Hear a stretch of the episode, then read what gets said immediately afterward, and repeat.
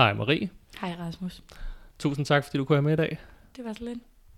Og i dag, der øhm, skal vi jo snakke om det russiske Bolshevik-parti. Mm. Men ikke hele dets historie. Nej.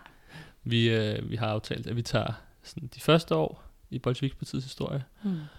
Men man kunne lidt starte med at spørge, hvorfor skal vi snakke om et parti, som blev grundlagt for ja, sådan over 100 år siden? Hvorfor mm. det er ligesom relevant for os i dag? Mm.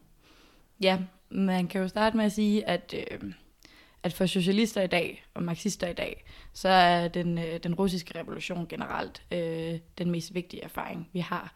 Fordi at det er den eneste gang i historien, hvor at, øh, at arbejderne øh, har taget magten øh, og beholdt den, i hvert fald i, i en vis periode. Øhm, og øh, man kan man sige, der er jo mange gange i historien, hvor at, øh, at arbejderklassen har, har rejst sig i, i store revolutionære bevægelser. Øh, men alle de her forskellige revolutioner har lidt nederlag. Øh, og det har været i manglen på, øh, på tilstedeværelsen af et, øh, af et revolutionært parti, øh, som var en faktor, der var til stede i Rusland. Øh, og hvad kan man sige? Ja, tilstedeværelsen af øh, et professionelt revolutionært parti er øh, om noget øh, den mest afgørende lektion fra, fra den russiske revolution. Mm. Og det synes jeg er en vigtig point, især i den periode, vi lever i i øjeblikket. Mm. Fordi der er jo, altså, der er der i hvert fald revolution på dagsordenen igen. Det må man sige. Ja, og det ser vi mega mange steder, og det skal jo heller ikke være nogen hemmelighed, at her i Revolutionære Socialister, der, der prøver vi også at bygge en revolutionær Mm. organisation, øhm, netop for at øhm, en, en, en fremtidig revolution i Danmark øh, også kan blive succesfuld. Mm. Og det er jo også derfor, at, at jeg tænker, at, at vi ligesom må, må kigge på de bedste erfaringer Mm. fra arbejderbevægelsens historie, som du også siger her med bolsjevikerne. De Mm. faktisk altså, sørgede for, at arbejderklassen kunne tage magten Mm. i Rusland ja, i 1917. Ja, lige præcis. Og man kan jo sige, at øh, en socialistisk revolution nogle steder kan jo kun lade sig gøre, hvis det store flertal af, af arbejdere og unge bliver, bliver vundet over til et, øh, et revolutionært marxistisk program. Øhm, så jeg vil sige, at, at de første år for Bolsjevikpartiet, det, det indeholder en masse vigtige erfaringer om, hvordan vi udjævner den kløft, der også er i dag, øh, mellem de hvad skal man sige, relativt små øh, organiserede marxistiske kræfter og så Ja.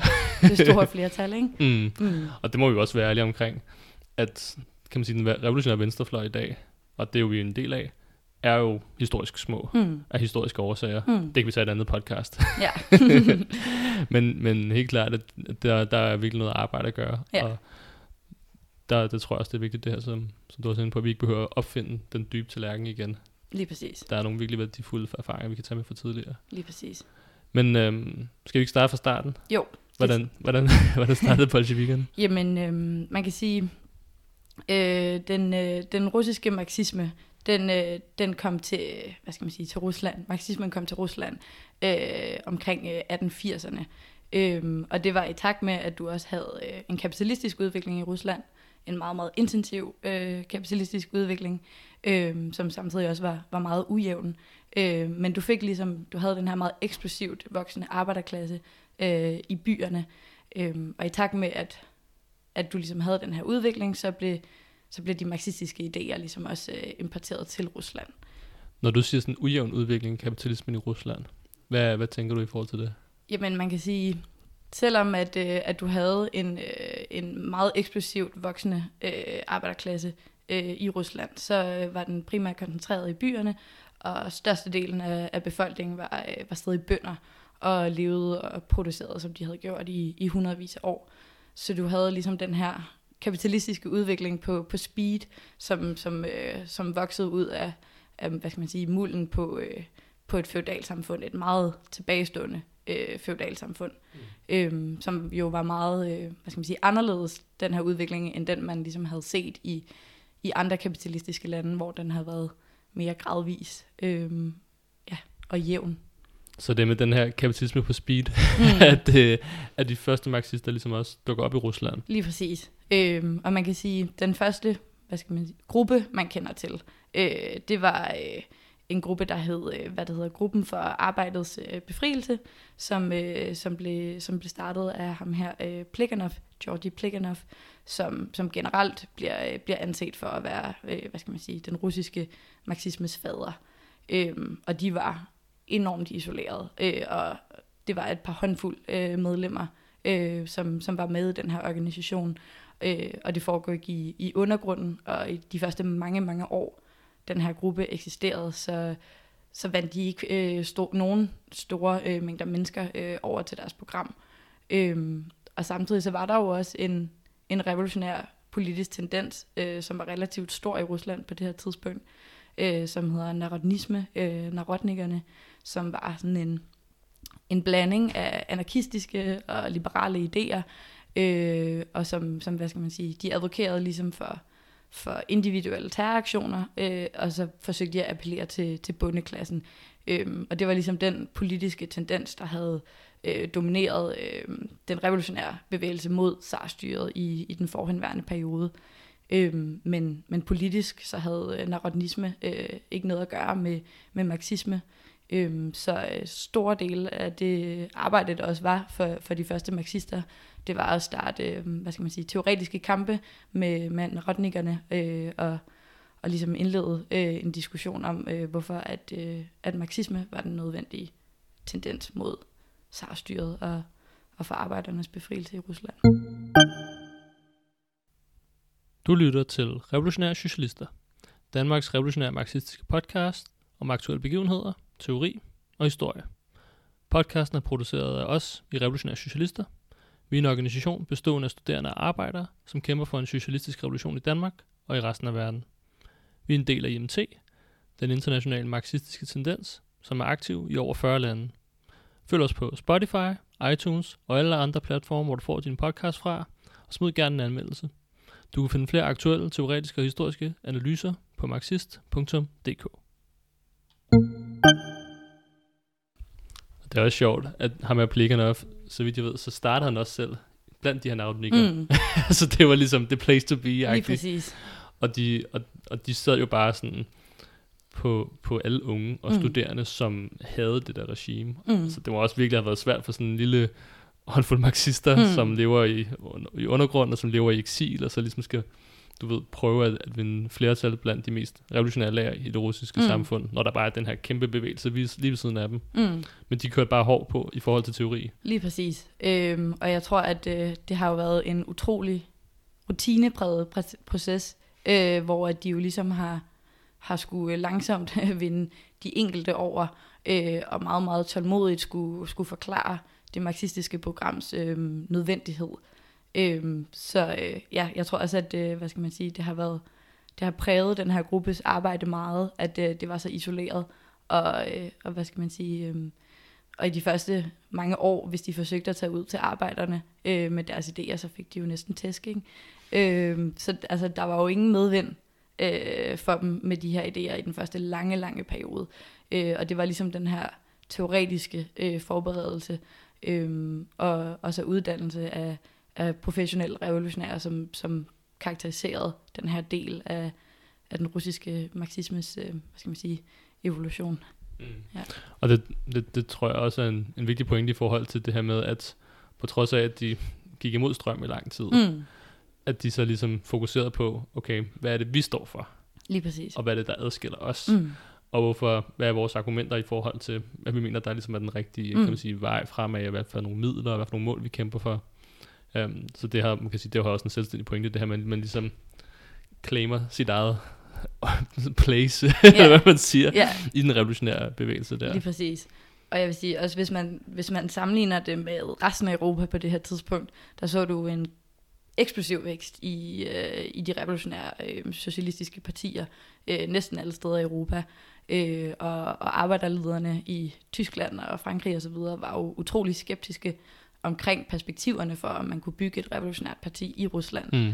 Øhm, men øh, ja, det var jo så samtidig også, øh, hvad skal man sige, startskud til, hvad der senere vil blive øh, det eneste parti, der nogensinde har, øh, har ledt øh, arbejderne til sejr. Mm. Og lige måske en disclaimer her, fordi så vil den øh, historikyndige sige, ho ho, her i de sidste årtier af, af 1800-tallet, der var der ikke noget, der hed bolsjevikerne. Mm. Og, og det er rigtigt. Mm. Det var der ikke. øh, der hed, øh, kan man sige, revolutionære marxister på det tidspunkt kaldte sig selv socialdemokrater. Mm. Og det er jo en del anderledes so- socialdemokrater, end Mm. dem, vi har i dag, Ja. kan jeg vist roligt sige.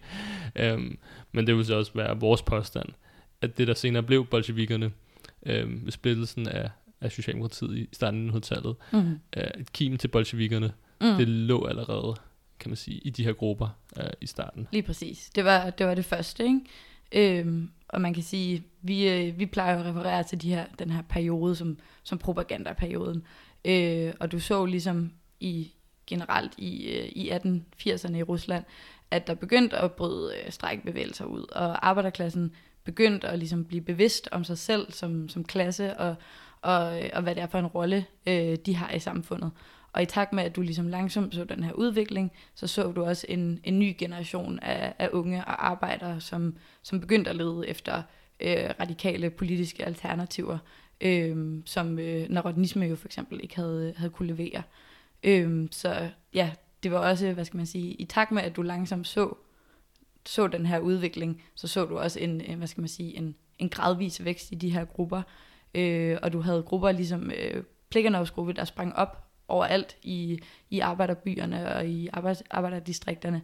Øhm, men de havde ikke som sådan noget at gøre med hinanden, de her grupper, øh, og var meget, meget isoleret, øh, og var ikke samlet om noget øh, fælles program øh, på det her tidspunkt.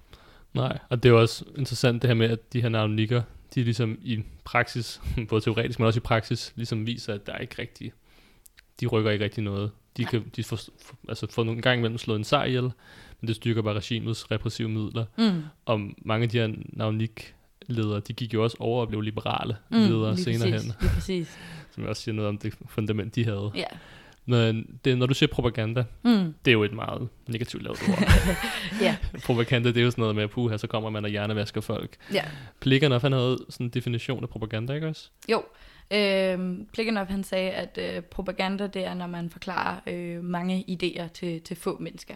Det vil sige, at det er, når man forklarer, hvad skal man sige, det fulde socialistiske, marxistiske program, og, øh, og hvordan det hænger sammen øh, økonomisk og filosofisk og, og historisk. Mm. Øh, så det er, hvad skal man sige, ja, ja det fulde marxistiske program, øh, som man jo ikke kan stille sig ud og, og give til en, øh, en rally øh, med, med mange arbejdere, der skal stå og lytte i fire timer. Mm. Og vi vil jo også påstå, at der er jo masser af propaganda i det her samfund. Ja, lige præcis. Lige præcis. Øhm, og man kan sige, der er jo, ja, som du siger, altså de hersenklasser, de genererer jo også selv hvert år en strøm af propaganda, men det har jo til formål at, at forvirre og splitte arbejderklassen, hvorimod et øh, marxistisk propaganda på et, øh, på et klassegrundlag, øh, det kan forklare sammenhængen mellem, øh, hvad skal man sige, de, de enkelte oplevelser, som, som arbejderklassen har øh, i deres arbejdsliv og, og i samfundet, og ligesom kæde det sammen med, øh, med arbejderklassens historiske rolle i at, at vælte kapitalismen. Øh, og det kan ligesom forklare den socialistiske revolutions nødvendighed. Mm, lige præcis. Hvor at man kan se, at borgerskabets propaganda i dag, det går ud på at forklare, hvorfor vores samfund, kapitalismen i dag, det er det eneste samfund, som nogensinde vil fungere. Mm. Hvorfor status quo, det er bare, det må vi må, du ved, tage til takke med. Mm. Og så også hele al den her, kan man sige, racistiske, sexistiske, transfobiske, homofobiske propaganda, der kommer Mm. ud alle steder, som netop, som du også siger, er med til at splitte arbejderklassen på alle mulige og, og umulige leder. Ja, lige præcis. og det er jo også en måde at, at opretholde, kan man sige, deres magt på. Mm. Og så kalder de det naturligvis ikke propaganda. Nej. Hvor man kan sige, at vi er lidt mere ærlige. ja, ja, lige præcis. Lige præcis. Øhm, ja, man kan sige, øhm, altså den her i, idé om, at, at folk ikke, almindelige mennesker, almindelige arbejdere, ikke leder efter, hvad skal man sige, en sammenhængende forklaring på samfundets forlitterklæring, og, og hvorfor at vi, vi konstant oplever økonomiske kriser og nedskæringer og, og forværinger af, af, hvad skal man sige, levevilkår. Det er der masser af arbejdere, der leder efter sammenhængende forklaringer på, og propaganda er ikke akademiske spørgsmål. Det er spørgsmål, der berører folks liv meget, meget dybt. Øhm, og jeg vil også sige, at, at specielt i den her periode i Rusland, hvor at, at du så de her propagandacirkler, det var ofte under dække af sådan søndagsskoler, fordi det var ulovligt, øhm, det de lavede. Øhm, og samtidig så var der jo en masse litteratur, der var censureret eller ulovligt i Rusland. Så noget af det eneste litteratur, de havde adgang til, det var jo kapitalen. Ja. øh, fordi at den var blevet vurderet til at være for svær, øh, til at arbejderne kunne, kunne bruge den til noget som helst. ja. øhm, og det var også kapitalen, som, som de her læsegrupper sad og, og studerede, og det er jo ikke ligefrem godnatlæsning. Det er jo meget, meget ret kompliceret stof, men det viser virkelig bare, at al, almindelige arbejdere er meget modtagelige også over for avanceret teori. Øh, og de folk, der, der tror, det er anderledes, vil jeg sige, begår nogle meget sådan, arrogante fejl på det punkt. Ja, ja jamen det, er det, altså, det er jo også sådan lidt, selvfølgelig vil, kan man sige, det er jo ikke noget, der er forbeholdt sådan intelligentian eller Nej, sådan noget. præcis. Alle mennesker vil gerne vide, hvordan verden hænger sammen, Mm. og også kunne forklare de store problemer, vi står overfor, og hvordan vi løser dem. Mm. Så det er, jeg, jeg er fuldstændig enig, det er super arrogant, det der med at sådan tro, at arbejder, de er kun interesseret i, hvad der sker på deres arbejdsplads, øh, og så vil de bare hjem og se fodbold, eller Mm. et eller andet åndssvagt. Ja, lige præcis. Og det synes jeg da også, når vi er ude og diskutere med folk, eller øhm, sælger aviser, eller øh, holder møder eller sådan noget. Vi møder da også øh, arbejder, unge som gamle, som er interesseret i netop den her med sammenhæng i verden, hvordan, øh, hvorfor fungerer verden, som den gør i dag. Lige præcis. Og så har propaganda jo også den funktion, at det, det skaber det, som vi kalder kader. Øhm, og hvad kan man sige, øh, bygger det, vi kalder en, en kaderorganisation. Og det er måske meget god idé lige at, at komme ind på, hvad det er. Ja, du ja. lige vente her. Øhm, men man kan sige, kaderorganisationen, det er tit noget, som bliver brugt i, i militær sammenhæng. Øh, og det handler ligesom om at, øh, hvad skal man sige, bygge øh, et personale, et professionelt personale, som, som når, når der er behov for det, er i stand til ligesom at, at, at udvide arbejdet og, øh, hvad skal man sige, gribe de muligheder, der er. Øh, og øh, hvad det hedder, øh, ja, og øh, hvad skal man sige, det, vil sige, det er en... Øh, det er en dynamisk funktion, som betyder, at, at når, når mulighederne og nødvendigheden er der, så, så kan man brede sit arbejde øh, og agere, hvad skal man sige, som helhed, men, men selvstændigt, ikke? Øh, som organisation. Ja, lige præcis. Og det er jo også det, jeg tror, nu er jeg ikke sådan en militær geni på noget som helst plan, men så vidt jeg forstår det i militær sammenhæng, så er det jo også noget med, når der netop udbryder krig, altså Ja. kæmpe krig, så bruger man de der mil- militærkader til at uddanne ikke bare sådan 10, men sådan hundredvis, tusindvis Lige præcis. af nye militærfolk. Lige præcis. Og det er jo også lidt det, der er sådan, det er jo, kan man sige, også noget, som, som Lenin brugte meget tid på, det her med at udvikle koncepter omkring, hvad en kaderorganisation Mm. mm.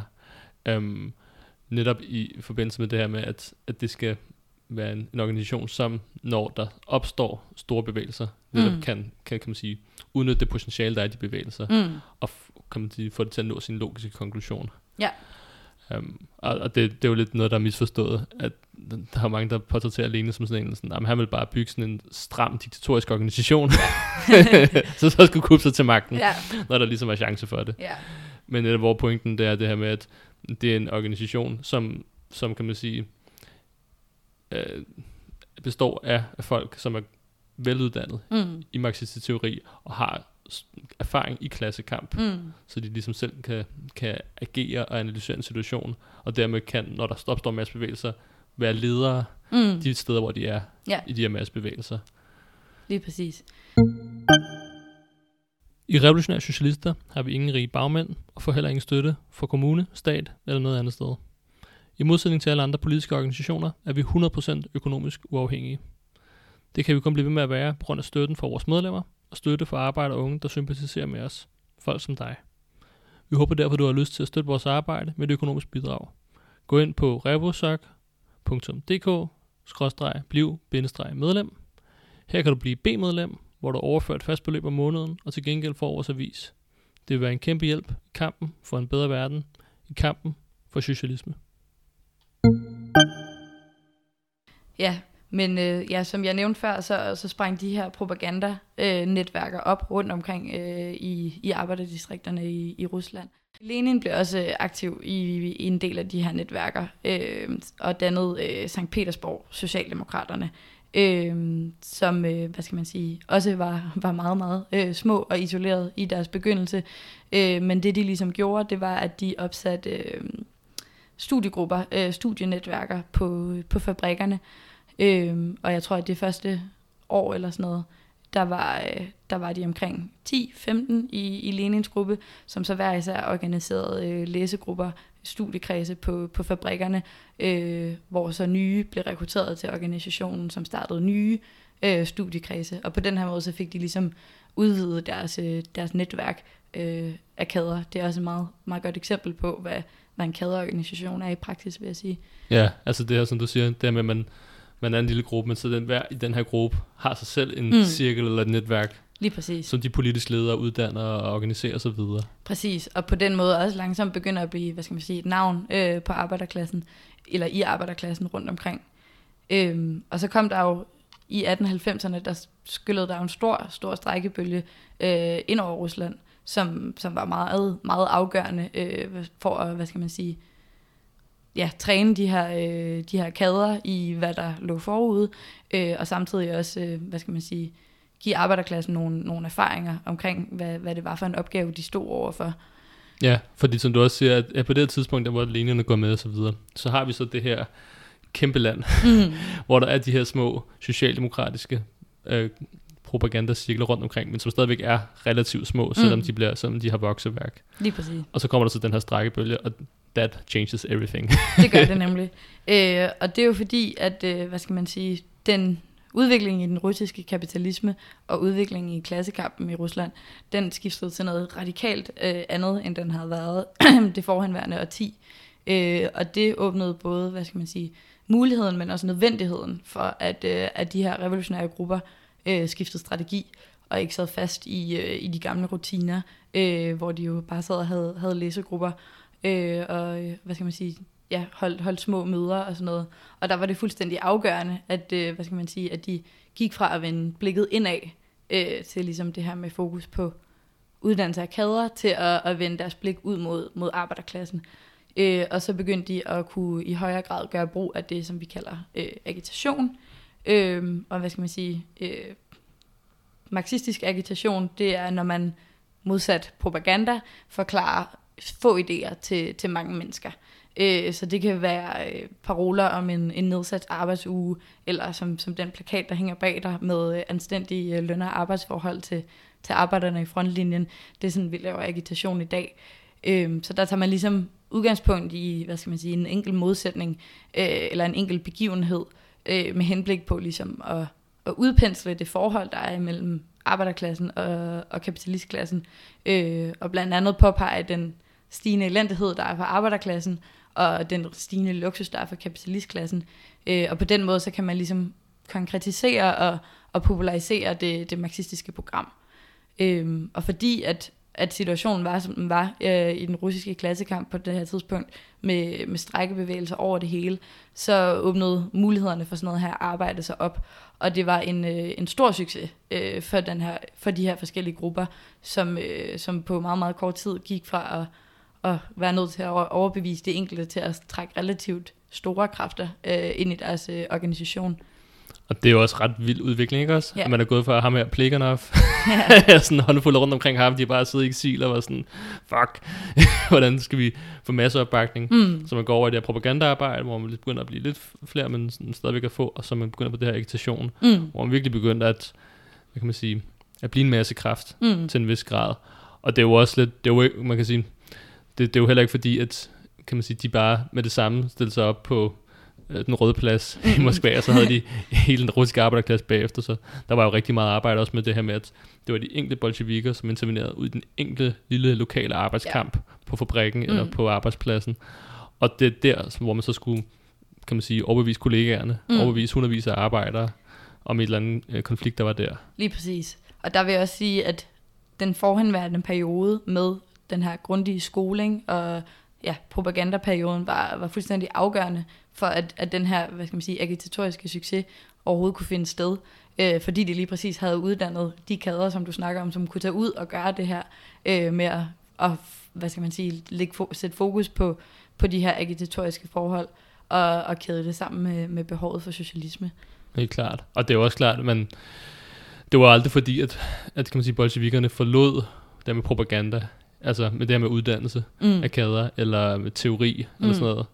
Øh, men det her, det blev ligesom, da de ligesom havde nået et vist stadie med det, så var det så muligt, netop, som du siger, det her med at begynde det her agitatoriske arbejde, og det Mm. gav bare en helt anden, kan man sige, øh, helt andre muligheder i forhold til reach out og sådan Lige nogle præcis. ting.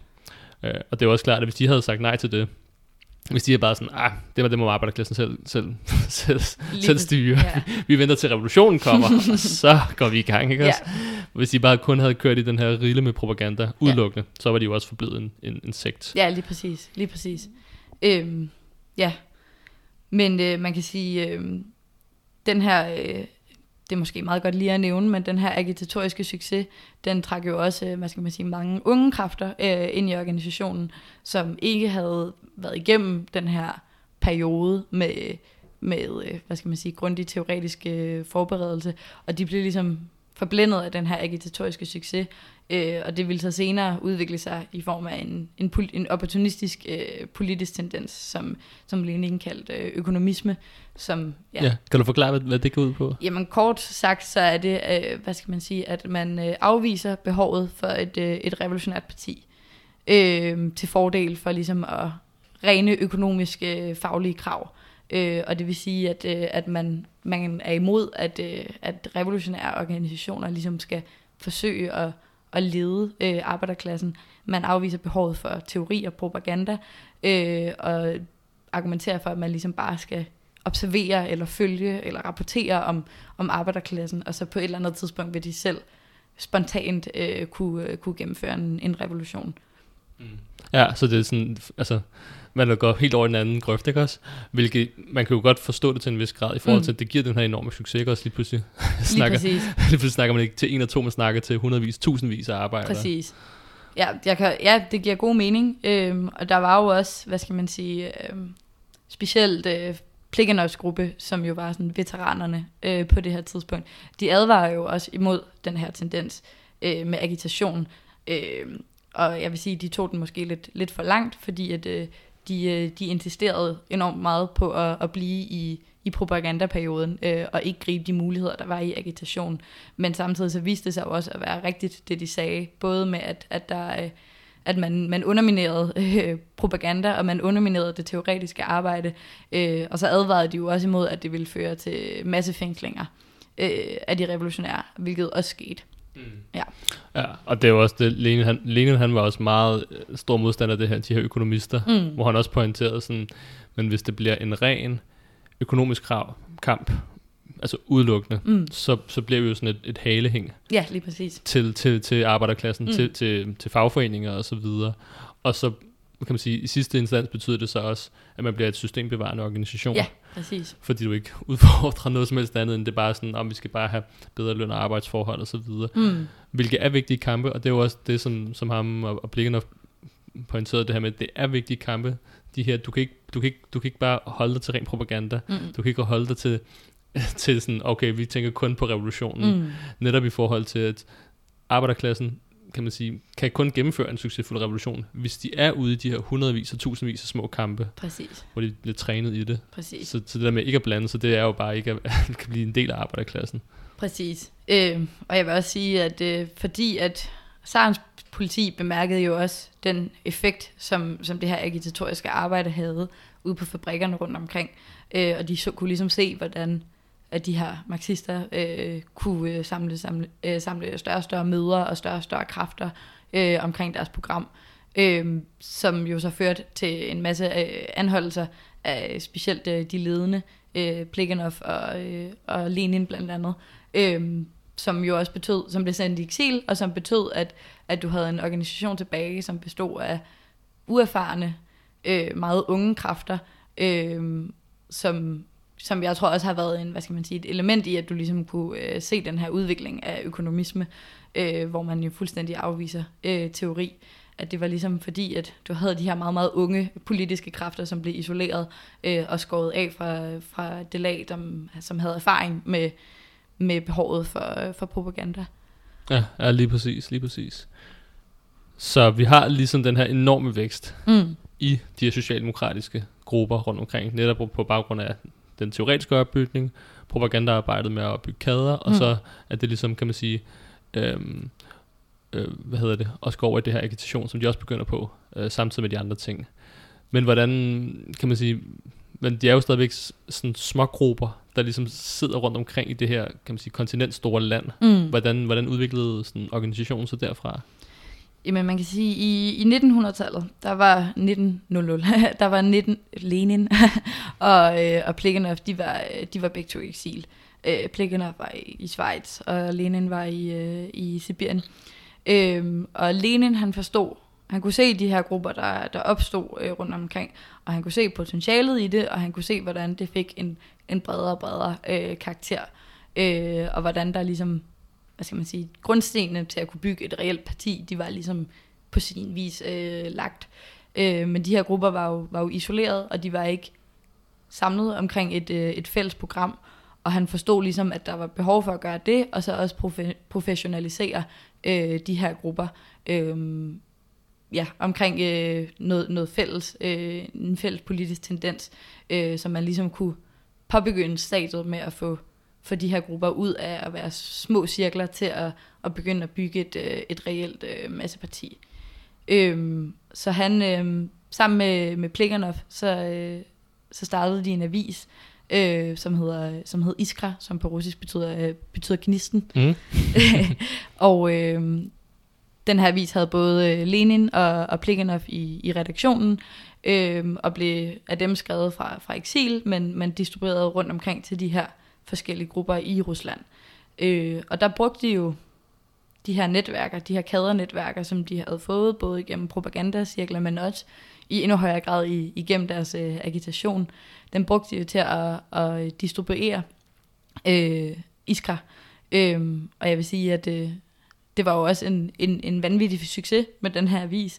Øh, og det er fordi, at den, den var lige præcis det, der havde manglet øh, i den forhenværende periode øh, i klassekampen i Rusland.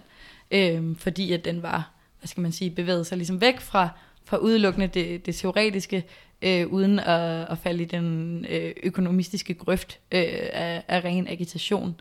Øh, men også, øh, hvad skal man sige, fordi at den ligesom kunne, øh, kunne hæve udsynet øh, fra de her enkelte arbejderkampe rundt omkring i byerne, og forbinde dem øh, med hinanden, øh, så folk kunne se, hvad, hvad der foregik rundt omkring i Rusland, og kunne se, at der var, hvad skal man sige, en, en generel klassekamp øh, alle steder, som havde utrolig meget med hinanden at gøre.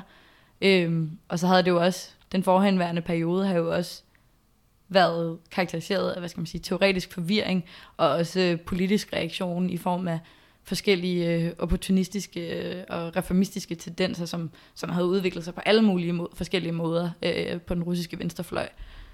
Ja, og det jo også det, som, som du også siger der med, det gav det, med, at man havde en samlet avis, Mm. for, som ligesom samlede de her grupper. Ja. Det gav en, en samlet politisk retning, som du også altså beskriver det her med, at så havde man ligesom, okay, selvfølgelig kunne man godt have politiske diskussioner internt, mm. og debatter om, hvad, der, hvad linjen så skulle være. Mm. men man havde ligesom en klar linje, i stedet for at man havde du ved, 100 aviser, forskellige små aviser, der, så havde, sådan, der havde nogenlunde de samme idéer, men alligevel sådan stadigvæk divergeret fra hinanden på mange forskellige måder.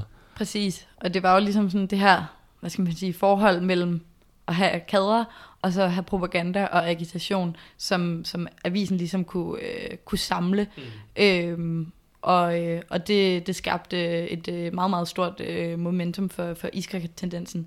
Som, og man brugte jo ligesom avisen som, hvad skal man sige, centrum for, for alt det her arbejde omkring Iskra. Øh, og man brugte det til at samle en, øh, en, en reel øh, marxistisk tendens øh, i Rusland, og man brugte avisen til at, hvad skal man sige, forbinde sig med, med forskellige grupper øh, og ja, faglige bevægelser, og hvad det nu var, der foregik rundt omkring. Mm. Øhm, ja. Ja, og det var også derfor, at Lene, han ikke, han tror, han har sådan et citat, hvor han siger, at, avisen ikke blot er en kollektiv propagandist eller agita, agitator, men mm. også en, en kollektiv organisator. ja, præcis. Det viser jo ligesom i, i praksis. Øhm, ja, og øh, hvad kan man sige, der var jo... Øh, der efterfølgende og efter Iskra og sådan noget, så opstod der jo mange, mange øh, teoretiske kampe øh, i Iskra-tendensen, og det udviklede sig senere til, til to politiske tendenser i form af bolsjevikerne og mensjevikerne. Øhm, og bolsjevikerne var jo nødt til at bryde med, med politiske tendenser i deres egen organisation. Men det var jo ligesom fuldstændig afgørende for, at de kunne være det, de var, øh, da hvad skal man sige, sandhedens time ligesom kom i 1917. Mm. øh, og at de var i stand til at, at de var en organisation af dedikerede, professionelle øh, kader, som var uddannet i både agitation og i propaganda, og som, hvad skal man sige, ikke bukket, bukket under for, øh, for det pres, øh, som uundgåeligt øh, vil opstå i sådan et parti i en revolutionær situation. Mm. Og det tror jeg også er et vigtigt sådan, stadie, det der med, at man ligesom går for den her småcirkel-mentalitet, mm. hvor, det sådan, hvor det meget bygger på sådan sociale og personlige, og mm. du ved, venneforbindelser og sådan yeah. noget, til man ligesom siger, okay, nu professionaliserer vi faktisk tingene. Ja, præcis. Og formaliserer nogle ting, og, og sørger for, at det bygger på, på det politiske, præcis. først og fremmest. Ja, og det er jo også måske meget godt at pointere det her med, at det har jo været undergrundsarbejde. Altså, det har jo været ulovligt, så det er jo også klart, at, hvad skal man sige, at, at sådan noget vil have en effekt på, øh, på hvad, altså på grupper, der, der arbejder på den her måde. Og jeg tror også, at det har været en faktor i, hvad skal man sige, øh, den modstand, der også var mod, mod agitation. Altså at man ligesom havde i så lang tid, specielt Pleganovs gruppe, havde, havde været i undergrunden, og, og ligesom alle kendte alle, og, og det havde været illegalt, det man havde lavet, og man blev forfulgt af, af politiet og så videre, ikke? Jo, og når man kan sige, det skal ikke misforstås, når, når, fordi man kan sige, at vores mål er jo også at bygge det samme mm. i, i revolutionære socialister. Det er at bygge en kædeorganisation. Og når vi siger, det er en, en, en organisation af professionelle revolutionære, mm. så betyder det ikke, at vi kun er medlemmer, som er, du ved, er ansat. Eller nej, sådan. nej, nej, ja, præcis. Men netop, og det tror jeg også var, var vigtigt, der lige pointerede det, det her med, at det er, at det, du kan ikke have sådan et løs organisation, som er sådan lidt netværksagtig. Mm hvis der kommer en revolution, mm. og den skal ledes til succes, mm. så, så nytter det ikke, det bare bliver sådan lidt, ah, men jeg skal nok se på det en eller anden gang, eller sådan, ja. ah, jeg kender en, og du ved. Altså, der skal, der skal sgu være styr på tingene. ja. Så når jeg siger professionelle revolutionære, så er det jo også i forhold til folk, der ligesom dedikerer deres tid og liv til, til, til, til en revolution. Og man kan sige, det står lidt i modsætning til sådan nogle af de typer, som, som ligesom splittede væk fra bolsjevikerne, i form af bolsjevikerne, hvor det var sådan et, ah, men jeg vil gerne være med, jeg vil gerne gå til socialisme, mm. ja, du ved, om søndagen, eller et eller andet, ikke også? ja. Og det er jo, og sådan nogle typer vil der altid være, og de kan jo spille en anden rolle, men det der med, de kan jo ikke rigtig være kernen af Nej. en organisation, fordi så bliver det bare alt for løst og ja. uformelt. Ja, lige præcis. Øhm, ja, men også, øh, hvad skal man sige, øhm, at øh, som vi jo også har snakket om med propaganda, og hvordan at de, øh, de hersende klasser også genererer utrolig meget propaganda. Og hvis du ikke ligesom har et lag af folk, der er meget uddannet i, i teori, og som også har, hvad skal man sige, en vis mængde tid til at, at, at kunne bygge en, en organisation, og at kunne komme med nogle forklaringer på, på den propaganda, som, som borgerskabet genererer, jamen så, altså, så, så, så kan du ikke som organisation forklare behovet for socialisme, øh, og du vil ligesom ja, hvis du ikke, hvis du ikke har et, øh, et øh, uafhængigt øh, hvad skal man sige, klasseperspektiv, så falder du uundgåeligt øh, ned i, i borgerskabets øh, idéer. Mm, ja, lige præcis. Covid-19-pandemien, klimakatastrofe, krige og økonomisk krise. Alt sammen problemer, som dette system, kapitalismen, ikke kan løse, men tværtimod gør større – vi har de teknologiske, videnskabelige og menneskelige ressourcer til at skabe et samfund, hvor ingen behøver at mangle, men det bliver ikke gjort i dag på grund af overklassens behov for at skabe profit. For at sikre os en fremtid, er vi nødt til at lægge dette system i kraven og skabe et nyt, et socialistisk samfund. Jeg vil derfor opfordre dig til at gå med i kampen og organisere dig hos os i Revolutionære Socialister. Kontakt os via Facebook, gå ind på revosok.dk eller dukke op til en af vores møder og hør med om os.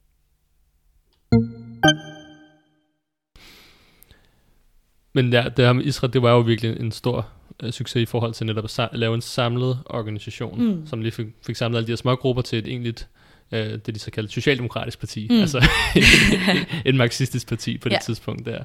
Og, og det var netop det, som kan man sige, uh, jo senere end de bolsjevikerne, som senere stod der i, i 1917. Mm. Og det var netop også for at vende tilbage til, um, hvis vi skal sådan, slu, hvad hedder det, slå en hale på det. Mm. Det var også det, du sagde i starten der med, at de var jo det var, den lykkedes jo faktisk, ja. Bolsjevik-partiet, at føre arbejderklassen til magten i øh, oktober 1917 mm. i Rusland. Og hvad tænker du ligesom er de... Fordi nu har vi ligesom, vi kunne også, der er jo, der er jo flere mere historie i forhold til Bolsjevik-partiet, hvordan det udvikler ja, det sig. Og det kan man måske tage en anden gang i et andet podcast. Ja.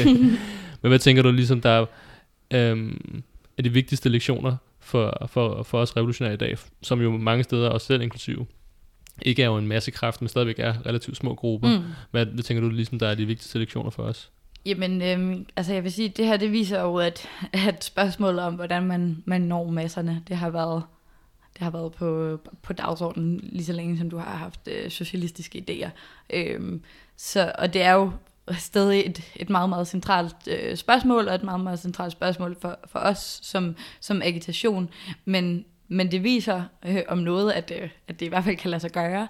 Øh, og hvad kan man sige, vi har jo meget mere favorable øh, forhold for at, at lave det her arbejde i dag, øh, inden de havde i, øh, i Rusland på det her tidspunkt.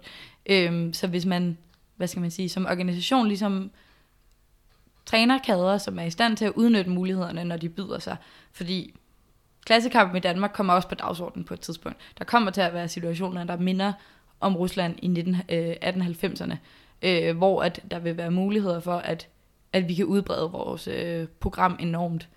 Øh, og hvad kan man sige, hvis vi ligesom får udnyttet den periode, vi er i nu, med en, hvad skal man sige, en vis ro i klassekampen, og ligesom kan blive klar, når det her udfolder sig, og have de nødvendige kader, så kan vi blive en, en enorm kraft, som, som nu virker meget, meget umulig, men, men om noget, så har vi jo ja, mere favorable forhold, og om noget, så viser det her, at det, det kan lade sig gøre, øh, så længe at man, hvad skal man sige, arbejder på et, øh, hvad skal man sige, konsekvent revolutionært øh, marxistisk øh, grundlag. Mm, helt ja. klart, ja. Og vi uh, ser meget frem til, at nu gør det helt for os rundt omkring i verden, og det skal nok også gøre det på et tidspunkt uh, her hjemme i Danmark. Yeah. Um, og det er netop derfor, vi bygger nu, for at gøre os klar til det. Og vi opfordrer alle, der har lyst til at være med til at kæmpe for en revolution, til at, at gå med i kampen sammen med os. Ja, lige præcis. Det har været vanvittigt spændende, Marie. Tusind tak, fordi du kunne komme i dag. Det var så lidt.